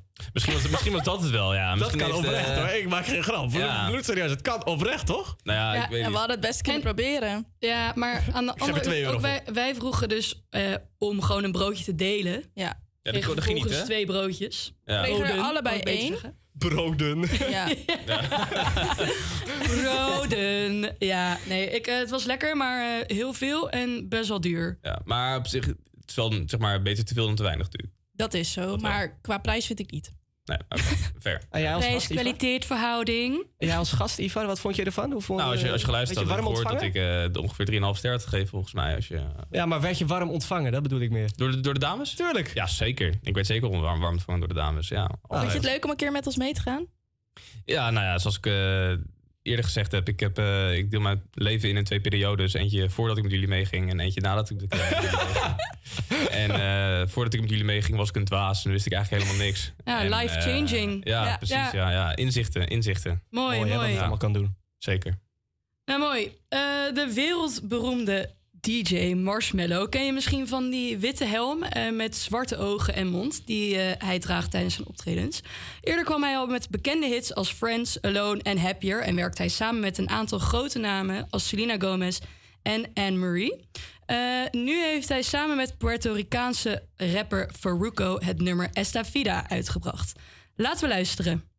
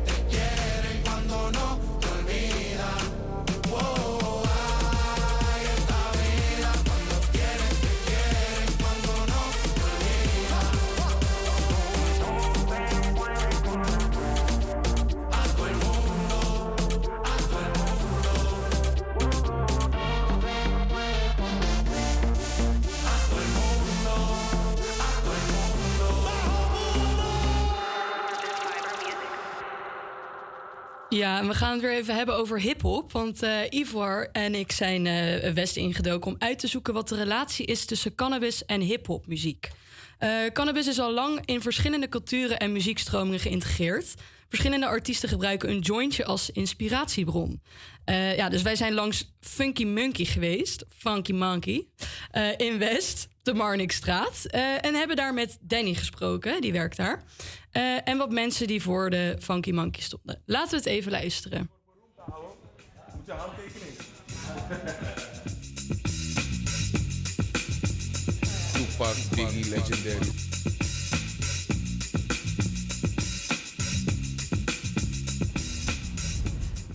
Hip-hop wordt dit jaar 50 jaar. eh, en met die reden zijn Ivar en ik vandaag de straat op gegaan. We zijn eh, op de Marnixstraat. Eh, en we hebben eigenlijk maar één vraag. En dat is: eh, is er een relatie tussen cannabis en hip-hop? Wat denk jij, Ivar?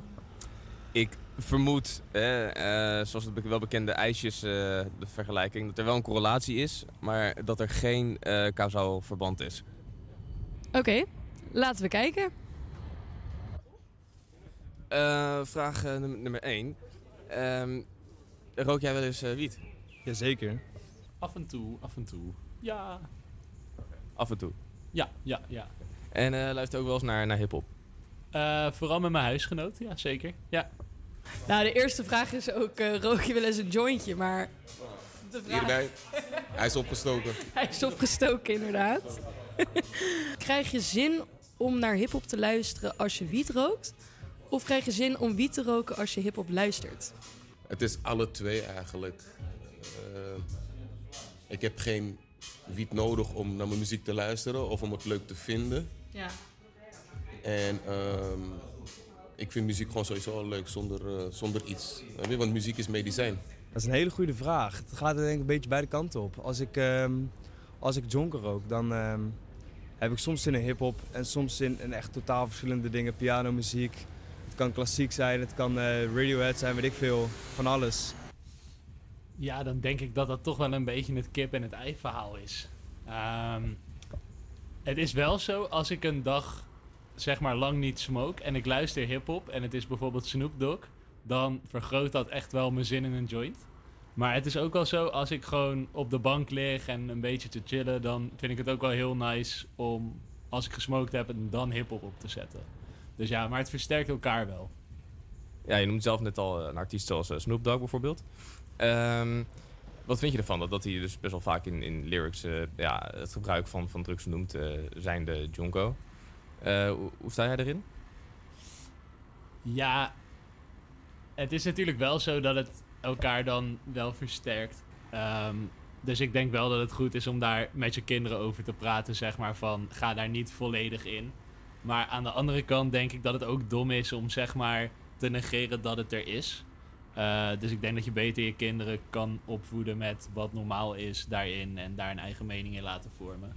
eh, dan dat je dingen zou gaan verbieden.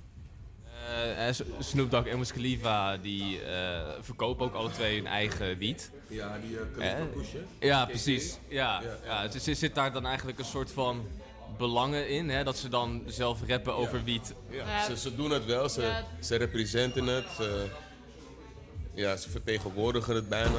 Ja. Maar, eh, En vind je dan zeg maar, ja, een goed idee om, om het zo te promoten? Of- Ja, tuurlijk. Want hun ding gaan toch wel... Hun ding is niet lokaal, is globaal. Ja. Dus, snap je? Dus eh, ze doen het wel goed. Aan de andere kant denk ik van... Je moet niet vergeten dat kleine kinderen kijken ook mee. Dat is het enige wat jammer is, weet je? Dat ge etaleren alsof het iets goeds is. Ik zeg niet dat het slecht is, maar houd gewoon voor jezelf. Sommige eh, artiesten die zeggen dat het het creatieve proces eh, beïnvloedt op een goede manier. Eh, kan je daarin vinden? Ja, daar ben ik het zeker wel mee eens. Af en toe ga ik ook eh, op stap met mijn koptelefoon, met mijn camera, luister ik een beetje muziekjes, een beetje foto's maken. Dat is geweldig. En daar helpt dan Beat daarbij? Bij zeg maar bepaalde dingen inzien die je normaal niet in zou zien? Nou ja, ik heb wel het gevoel dat het je misschien wat meer creatief kan maken, ja. Dat is waar, want je wordt losser. Ja. Je wordt losser. Eh, ja, je denkt veel verder. Laat me het zo houden. Laat me het zo zeggen. Je denkt veel verder, want je bent relaxter. Het komt ook dan makkelijker uit je mond rollen. Ja, meer dan tien jaar geleden kreeg ik eh, die members van Wu-Tang binnen. Oh, Ja, ja, ik kreeg, eh, eh, hoe heet die nou? Method Man. Nee, niet Method Man. Ghost, Go- Ghostface Killa. Ghostface Killah? En eh, Raekwon. Oh, gaaf. Ja, dus Oh. ik dacht ook van, hey, gaaf, weet je, ik bedoel, want ik was jong. Na tien minuten praten zegt hij in één keer, ja, die wiet van jou, eh, mogen we die even draaien, even testen? Nou, dan gaan we kijken of we kunnen roken of niet. Of we hem koken of niet. Dus, Oh. hè? dus ik zo zo van, hè? Je koopt het eerst om te Dus, roken. dus je gaat niet eens kopen, nee, je wil me eerst roken. En dan om te zeggen van, nee, eh, ik vind hem maar toch niet lekker. Maar je hebt het al gerookt, maar je bent ook stoned. Ja. Snap je wat ik bedoel? Ja. Dus toen zei ik, nee. Zo werkt dat het niet. Zo werkt het niet. En eh, ja, na een paar minuten zag ik het al. Wauw, deze mensen zijn helemaal raar eigenlijk, man. Ik heb respect voor hun muziek, maar als persoon denk ik van, nee, man. Rare mensen. Ja, ik, eh, ik blijf erbij dat er inderdaad een correlatie is. Eh, even terugkomende op het ijsjesvoorbeeld. Men zegt altijd dat je, als er veel ijsjes verkocht worden, verdrinken er veel mensen. Maar het is niet zo dat er veel mensen verdrinken doordat er veel ijsjes verkocht worden. Het is zo dat als het warm weer is, dat er veel ijsjes verkocht worden en dat er meer mensen gaan zwemmen en dat er daardoor meer mensen verdrinken.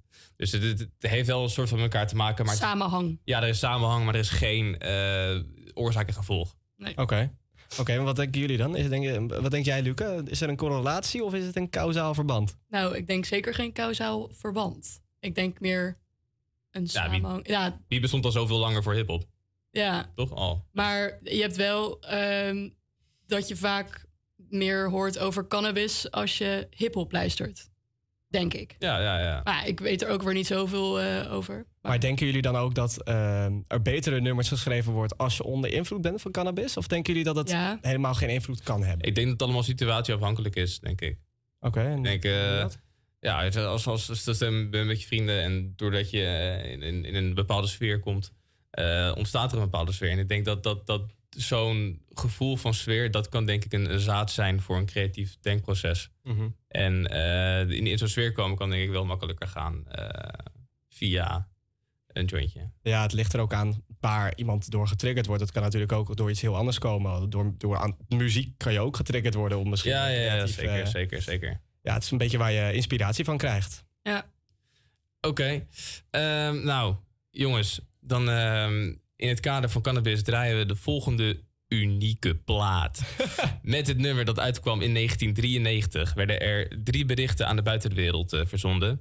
Nummer 1, de introductie van Snoop Dogg aan het grote publiek.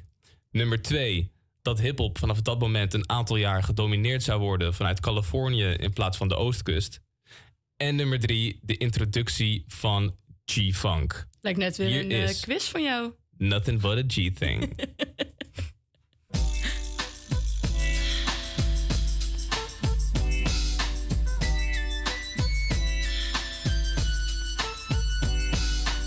One, two, three to the four. Snoop Doggy Dogg and Dr. Dre is at the door. Ready to make an entrance, so back on up. Cause you know we're about to rip shit up. Give me the microphone first so I can bust like a bubble. Compton and Long Beach together, now you know you in trouble. Ain't nothing but a G thing, baby. Too low death niggas, so we're crazy. Death Row is the label that pays me. Unfadable, so please don't try to fake this. But uh, back to the lecture at hand. Perfection is perfected, so I'ma let them understand. From a young G's perspective. And before me dig on a bitch, I have to find a contraceptive. You never know, she could be earning her man and learning her man. And at the same time, burning her man. Now you know I ain't with that shit, Lieutenant. Ain't no pussy good enough to get burned while I'm offended. And that's realer than real deal, holy feel. And now you hookers and hoes know how I feel. Well, if it's good enough to get broke off a proper chunk, I take a small piece of some of that funky stuff. It's like this and like that and like this and uh, it's like that and like this and like that and uh, it's like this and like that and like this and uh, Drake creep to the mic like a fan. Well, I'm peeping and I'm creeping and I'm creeping. But I damn near got caught, my beeper kept beeping. Now it's time for me to make my impression felt. So sit back, relax, and strap on your seatbelt. You've never been on a ride like this before. With a producer who can rap and control the maestro. At the same time, with the dope rhyme that I kick, you know and I know I flow some old funky shit. To add to my collection, this selection symbolizes don't take a toke but don't choke. If you do, you have no clue of what me and my homie Snoop Dogg came to do. It's like this and like that like this and uh, it's like that like this and like that and uh, it's like this. And who gives a fuck about those? So just chill to the next episode.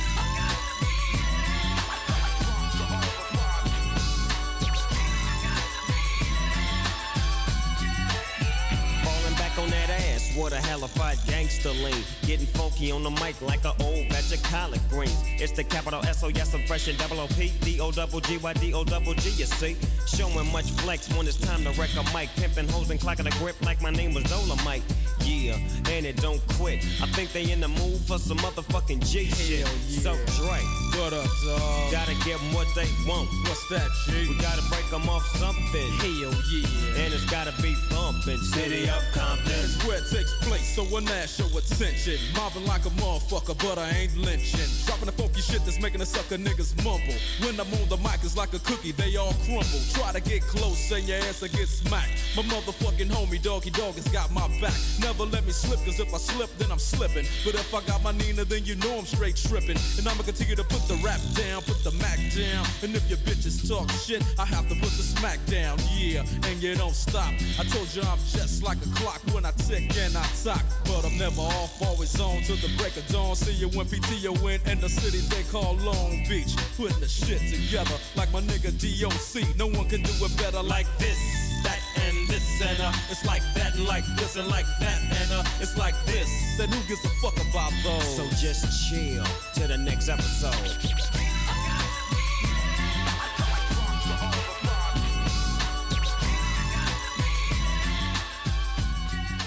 Ja, gouden ouwe, gouden ouwe. Eh, ik ben niet alleen de archieven ingedoken, maar daarnaast heb ik ook het telefoonboek opengeslagen. En ik heb een eh, interview geregeld eh, met Luca Krijgsman. Luca heeft meerdere Nederlandse rappers geïnterviewd voor FHM. Dat is een, eh, beetje een mannenpagina. Nou, luister en huiver. Ik zit hier met Luca Krijgsman. Luca is opkomend journalist en liefhebber van hip-hop. Luca, ehm, wat, wat, wat, wat- welke zijde hang jij meer? Hang je meer naar de Nederlandse scene of meer naar de Amerikaanse scene eh, als liefhebber? Eh, nou, dankjewel dat ik hier wil zijn allereerst. Ehm, nou, ik eh, was vroeger wel meer van de, van Amerikaanse hip-hop. eh, maar ik ben toch wel de laatste jaren toch wel echt meer, me meer gaan verdiepen in de Nederlandse scene. Dus ik zou me nu eigenlijk wel beschouwen als een, meer liefhebber van Nederlandse rapmuziek. Ja. Eh, je hebt voor FHM heb je gewerkt? Ja, klopt. Eh, Online Man Magazine heb ik eh tijd stage gelopen. En eh, ja, zeker. Oké. En voor AT5 een, een, een dingetje over Yeser. Ja, ik heb inderdaad voor AT5 onder andere Jesser geïnterviewd voor een, voor een item over dat we bij, bij mensen langs gingen. En dus bij BN'ers eigenlijk, of in ieder geval bij BN'ers, bij bekende Amsterdammers. En daar was Jesser er ook één van. Maar even buiten Yeser, want de, de lijst is eigenlijk veel interessanter dan dat verder nog. Ehm, je hebt ook eh, mensen geïnterviewd zoals eh, Artje, eh, Big Two, Kans, Broederliefde, Boku Sam. En opvallend is Ryan Babel over zijn muziekalbum. Hoe is, hoe is dat van de grond gekomen? Ja, dat was heel maf. Het was inderdaad aan mijn tijd bij FHM dat wij een, eh, een internetverzoek eh, kregen van, eh, van zijn management. En toen ging het verrassenderwijs niet om zijn voetbalkwaliteiten, maar om het feit dat er een nieuw album aankwam. Dus toen heb ik, heb ik hem daarover gesproken, ja, Ryan Babel, over, over muziek. Ik had het zelf ook niet kunnen invullen. Heb je ook, weet je toevallig hoe dat, hoe dat is gekomen? Want ik kan me herinneren dat jaren geleden op een nummer met Ali B en Daryl hij in één keer zat. Eh, hoe, heeft hij daar inspiratie op eh, gedaan? Of? Ja, nou, hij vertelde mij toen tijdens het gesprek dat hij eigenlijk al eh, sinds, sinds de jeugd ook veel bezig was met muziek. Alleen dat hij toen natuurlijk op het begin had gekozen om zich volledig te focussen op voetballen. Maar dat toen dat ook allemaal beter liep, dat hij zich daarnaast ook wel eens gaan oriënteren op, op muziek. En gewoon eigenlijk voor, voor de lol eh, nummers maakte. Maar dat hij dat ook wel echt deed met, met grote namen als een Atje en een. Eh, dat hij daarmee de studio in dook. En ehm, dat was nu in de, in, de, in, de, in de herfst van zijn carrière was het gekomen tot een, eh, tot een echt eh, een volwaardig al- album. Waar die, eh, wat nu ongeveer twee jaar uit is. Oké, en even, even, even terug bij de, bij de lijst. Ehm, heb je iets herinnerd over wat hun inspiratiebronnen waren binnen hip-hop om zelf een carrière te beginnen?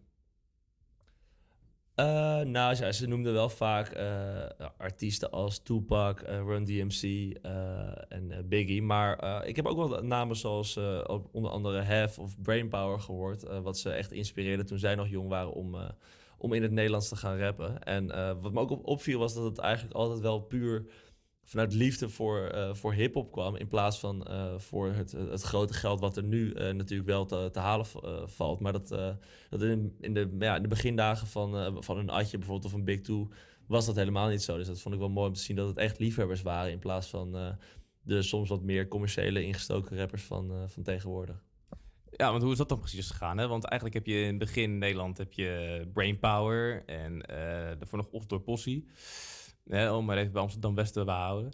Maar ehm, toen was er inderdaad geld nog veel minder in omloop. Hoe snel is dat gegaan? Nou ja, dat heeft het de laatste, eh, laatste jaren heeft dat een, toevlucht genomen. Of de laatste jaren, eigenlijk, eigenlijk is dat tien jaar geleden ongeveer eh, gestart. En ik denk eigenlijk dat het kantelpunt misschien wel een beetje New Wave is geweest. Met, met het album van uh, Leeuw Kleine en Ronnie Flex. Omdat, ja, dat, dat werden eigenlijk één voor één werden dat echt grote hits. Die ook echt op de radio werden gedraaid. Wat eigenlijk daarvoor eh, met hip-hop en Nederlandse rap niet gebeurde. Eh, en ja, de jongeren pakten het op. Hè. En eh, ja, dan, dan gaat er toch ineens wel snel wat meer geld bij komen kijken. En gekeken naar alle interviews die, die, die je gehad hebt. Wat is jou het meeste bijgebleven? Ehm, nou, over het algemeen vond ik, eh, verbaasde me heel erg over hoe, eh, hoe humble eigenlijk eh, de, de artiesten waren gebleven. Dat, dat ze het nog steeds leuk vonden om, om echt hun verhaal te, te- doen aan mij. Terwijl ik voor mijn gevoel echt een, een Piet Luttig interviewtje was. Ja, waren ze toch altijd wel erg blij dat ik er was. En als ik dan liet merken dat ik hun album had geluisterd en er echt inhoudelijke vragen over stelde, waren ze echt, werden ze steeds enthousiaster. Dus ik, dat gaat, geldt in zijn algemeenheid. Maar ik weet nog dat ik met Kans, dat is een soort eh, backup MC van eh, Jonah Fraser, die eh, zelfstandig een album had gereleased. En dat hij zo blij was dat ik echt het album had geluisterd en echt de tijd nam om, om hem inhoudelijk vragen te stellen daarover. Dat, dat het mij, ja, dat verbaasde mij dat, een, dat zelfs nog een artiest die, die zo succesvol is, in mijn ogen, nog steeds dan zo blij kan worden met, met iemand die gewoon interesse daarin heeft. En eh, persoonlijk, heb jij nog eh, plannen voor eh 11 augustus, eh, de verjaardag van eh Hip Hop 50? Heb je zelf nog plannen wat je, wat je gaat doen? Niet bepaald. Ik moet ook eerst zeggen dat die datum niet bij mij bekend was. Maar ehm, ja, wie weet ga ik even, even kijken wat er, wat er in de stad of in, in Amsterdam allemaal gaande is. En eh, sluit ik misschien wel even aan bij een eh, Bitterzoet of een, eh of een Paradiso, mocht daar een, een hip-hop gerelateerd feestje zijn. Dus dan kan ik daar zeker wel wat, wat van gaan maken. Ja. Ehm, ja, dat was een interview met, met Luca Krijgsman. Ook over natuurlijk de, de commercialisering in de Nederlandse rap. Maar ja, ook Amerikaanse rap. Waar zijn jullie meer van? Van Amerikaanse of Nederlandse rap zien? Ik ben persoonlijk meer van de Amerikaanse, maar ik kan de Nederlandse rap zien ook wel op zijn tijd waarderen. Maar echt bij lange na niet zo. eh kan je een paar artiesten noemen dan? Die, eh, Van de Amerikaanse of van de Nederlandse? Ja, Nederlands. Nederlandse, ik vind Big Two wel nice. Ja. Ik vind, eh, nou, ik, Lange Frans op zijn tijd vind ik ook niet verkeerd, ondanks zijn Ja, ik- ik kan- uitspraken. Ik kan, hem ook wel, ik kan hem ook wel waarderen. Ik kan hem ook echt op zijn tijd wel waarderen, Ja, hoor. zeker. Zeker. Ik kan hem... eh, eh, staat een microfoon van... eh, Ja, die staat zeker aan. Allemaal. Oh, ik hoorde Ja, mezelf. ik hoor je ook hoor. Ja, we horen je. Je bent erbij, Luke. Dankjewel. Erbij, hoor. ja, ik hou heel erg van Sef eigenlijk. Ja, Sef is ook goed hoor. Dat Diamanten. echt- Diamanten met eh, Hans de Boy. Ja. Is dat nummer? Ja, dat is een heel goed nummer inderdaad. En eh, Afro, Afro Man, maar jij vindt niet dat hij eh Ik vind hem geen hip-hop hip-hop artiest is. Nee, inderdaad. Ja, jammer. Ik wel. Ja. Ja, en het ja, internet ja. zegt het ook. En alles wat het internet zegt, is waar. Ja, in dat geval heb jij geen reden om op Lange Frans te haten. Mm, ja, dat is waar. Ja, dat is waar. inderdaad. Ja. Nee, nou, maar ook... eh, grapje. bijvoorbeeld vroeger ook eh, Lange Frans. Die had een nummer zoals eh, Zinloos. eh, over zinloos geweld. Eh, samen met Baas B en Het Land Van. Dus ook Ja, wel echt eh, ook wel een poëtisch stuk. Met Eh, Baas B was wel zijn beste periode, naar mijn mening. Ja, denk het ook wel. De, de beginperiode, hè? nu niet meer. Zeg maar, ik vind hem nu, is hij weer terug met Baas B. Zeg ik met aanhalingstekens erbij. Maar ik vind hem nu minder dan toen. Ja, maar was hij niet ook een beetje gecanceld? Of ja, nee, zijn, zijn YouTube-channel is gecanceld. Ja. Terecht, Ja, naar mijn ja, mening. ja. Eh, maar ehm, Ah, hij heeft ook ehm, een nummer dat heet Testament. Nou, dat nummer is zo eh rauw Amsterdams Lange Frans. Waar Echt- gaat dat over? Ja, eh, hij, hij, hij heeft allemaal van die lines die, die zeg maar zo semi-guilty pleasure, maar toch leuk is omdat, omdat hij het is. Want hij het zegt is leuk, zeg maar. Dus eh, zegt hij op een gegeven moment, eh, ik zit er middenin als een muis in de gatenkaas. Nou ja, dat- dan heb je mij al, toch? Dat, ja, ik, ik, vind, ik vind het prachtig. Ja, En wat vind je dan, eh, Echt geniaal. Als je dan kijkt naar de Amerikaanse Ja. hip-hop en rap, Ivar, wat Ja. zijn dan jouw favorieten? Nou, eh sowieso Rakim. Dat is echt eh, doorgebroken in 87 of zo. Op die leeftijd van 17. Tijdje terug, tijdje ja, terug. Ja, zeker. Maar hij, eh, hij heeft flow uitgevonden in, eh, in rap. Dus voor, voor Rakim was er geen flow. En Rakim die was een, een saxofoonspeler. Hij was een hele grote fan van John Coltrane. Dat was een oude saxofonist uit de jaren 60 ook in de, uit de VS. Beetje hetzelfde tijdperk Miles Davis. Zo een beetje. En eh, omdat hij, hij dacht bij zichzelf, als ik zo zou kunnen rappen als dat Joe Coltrane de saxofoon kan bespelen, dan eh, kan ik een hele revolutie, brengen in dat, eh, in dat rappen. En dat heeft hij gedaan ook. En daarmee was hij eigenlijk echt ja, verreweg de grootste concurrent van een destijdse Run DMC of een, of een Big Daddy Kane. die, die ook heel, heel groot waren. Maar ja, Rakim, Eric B. en Rakim, die, waren legends, legends voor mij. Ken jij dit, Noah? Of niet? Eh Rakim zegt me niet 1, 2, 3 eh, wat. Maar die ga ik zeker dan na de, na de uitzending Ja, zeker wel weer zeker, ja. beluisteren, moet ik zeggen. Ja. Ivar komt regelmatig met goede, met goede eh, Rap, eh, voorstellen. Ja, en je hoorde ook in de reportage over Wu-Tang, die eh, bij Funky Monkey langs ge- eh, geweest Of nou, niet bij En, Funky eh, Monkey, maar eh, bij Danny eh, eigenlijk. Ja, bij, bij Danny gewoon. Bij Danny gewoon. Bij Danny. Ja, gewoon bij Danny natuurlijk, ja. Wat vind je dan van Wu-Tang? Ja, Wu-Tang is... eh, kijk, kijk, sommige rapmuziek eh, is alsof je een whisky moet leren drinken. En dat is eh, soms bij muziek en in, in dit geval bij Wu-Tang ook wel een beetje zo. Eh, ik, kan, ik kan een aantal nummers van hun kan ik echt zeker waarderen. Eh, natuurlijk classics zoals Protect Your Neck, eh, geniaal. Ehm, Method Man van Method Man in Wu-Tang Clan is ook, eh, ook, ook een goed nummer. Eh, even kijken, hij heeft, ze hebben nu een nummer uitgebracht met Logic. En Logic is eigenlijk wel meer een hedendaagse rapper. En dat Ja. is dus ge- geheel Wu-Tang Clan, ja, min Old Dirty Bastard, omdat hij natuurlijk is overleden. Maar heel Wu-Tang Clan, min Old Old Dirty Bastard en eh, Logic. En dat is echt gewoon echt klasse, klasse rap, klasse hip-hop. Het is echt eh, van A tot Z. Het is een nummer van acht minuten of zo ook. Ah, ja, nee, Zo, ken, ik- ja, ken ik knap, niet. Ja. Maar ik was dus gisteren toevallig naar Wu-Tang aan het luisteren. Ja. Om gewoon een beetje de scene een beetje te begrijpen. Ja, ja, ja. Gewoon dat je je zo, zo stort op dit vak, eh, Luke. Even door, weet je wel? Maar ik vond deze wel leuk. Ik, zat, ik doe het even via mijn telefoon, want dat kunnen we niet echt eh, met de techniek nu doen.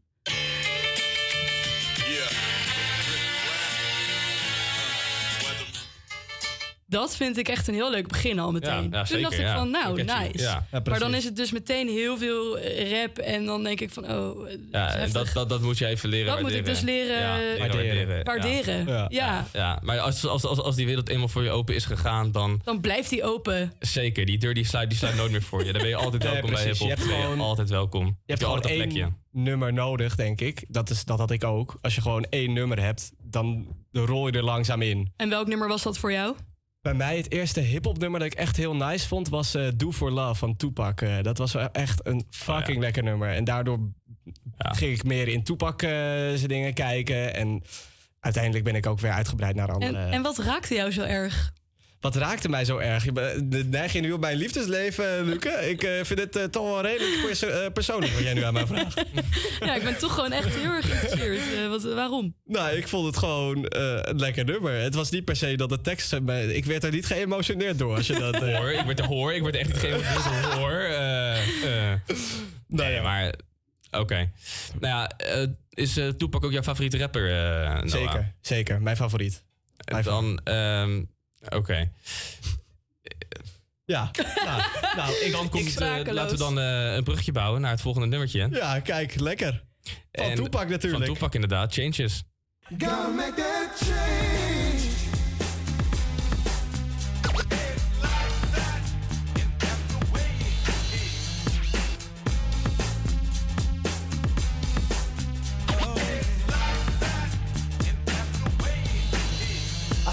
Changes. Wake up in the morning and I ask myself, is life worth living? Should I blast myself? I'm tired of being and even worse, I'm black. My stomach hurts, so I'm looking for a purse to snatch. Cops give a damn about a need, bro. Pull a trigger, kill a nigga, he's a heat, bro. Get it back to the kids who the hell cares. One less hungry mouth on the welfare. First ship them, don't let them deal with brothers. Give them guns, step back, watch them kill each other. It's time to fight back, that's what Huey said. Two shots in the dark, now Huey's dead. I got love for my brothers, but we can never go nowhere unless we share with each other. We gotta start making changes. Learn to see me as your brother instead of two distant strangers. And that's how it's supposed to be. How can the devil take a brother if it's close to me? Uh, I let it go back to when we played as kids, but then changed. And that's the way it is. Uh, that's just the way it is. Things will never be the same.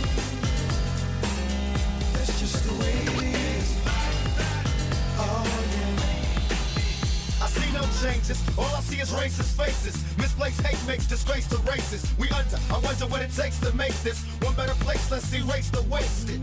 Take the evil out the people, they'll be acting right. It's both black and white and smoke a crack tonight. And the only time we chill is when we kill each other. It takes skill to be real time to heal each other. And although it seems evident, we ain't ready to see a black president. Uh, it ain't a secret, don't conceal the facts. Our penitentiary's back and it's filled with blacks. But some things will never change. Try to show another way, but staying in the dope game. Now tell me what's a mother to do. Being real don't appeal to the brother in you. You gotta operate the easy way. I made cheese today, but you made it in a sleazy way. Selling crack to the kids. I gotta get paid. But that's the way it is. That's just the way it is.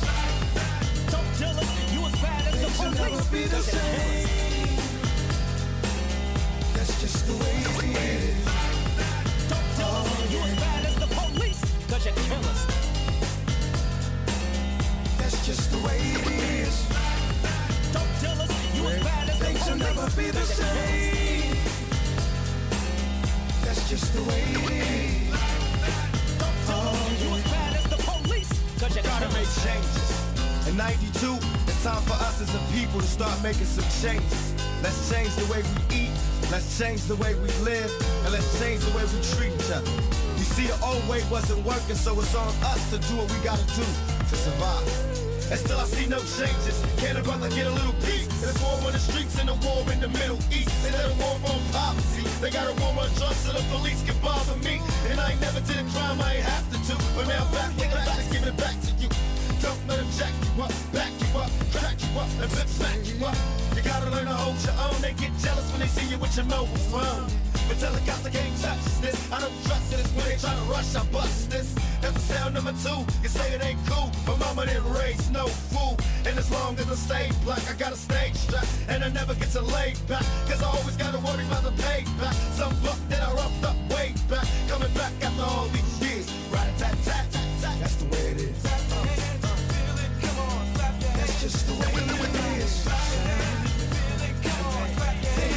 Be the same.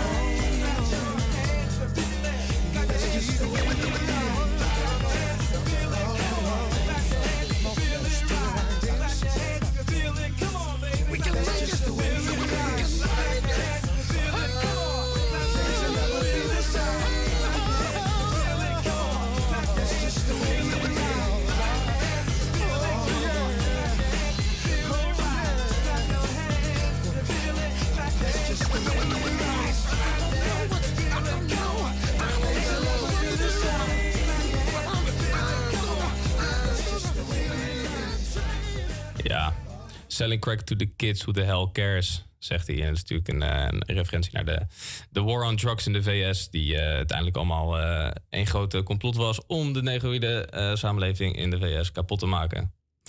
Dan zijn we alweer helaas bij het eind gekomen van onze wekelijkse uitzending. Volgende week gaan Jiliel, Coco en Luke weer op pad om broodjes te testen in Amsterdam-West. En zal Noah weer de straat op gaan eh, met een leuke wekelijkse vraag. Ook zijn Luke en Coco weer terug op hun sappige verhalen over BN'ers. En komt er weer voor Westerland een bandje genaamd eh, de Urban Satellites. Wij zullen ook gaan luisteren naar twee van haar zelfgeschreven liedjes. Ten slotte komt Ivar weer terug met zijn wekelijkse quiz en het lokale nieuws van Amsterdam-West. Ja, dit klinkt allemaal super spannend. Dus luister vooral volgende week woensdag weer om 12 uur naar West woensdag. Blijf vooral nu nog even lekker genieten van het programma van Salto zelf. En nu Run DMC en Jason Evans met It's Like That. And it goes a little something like this.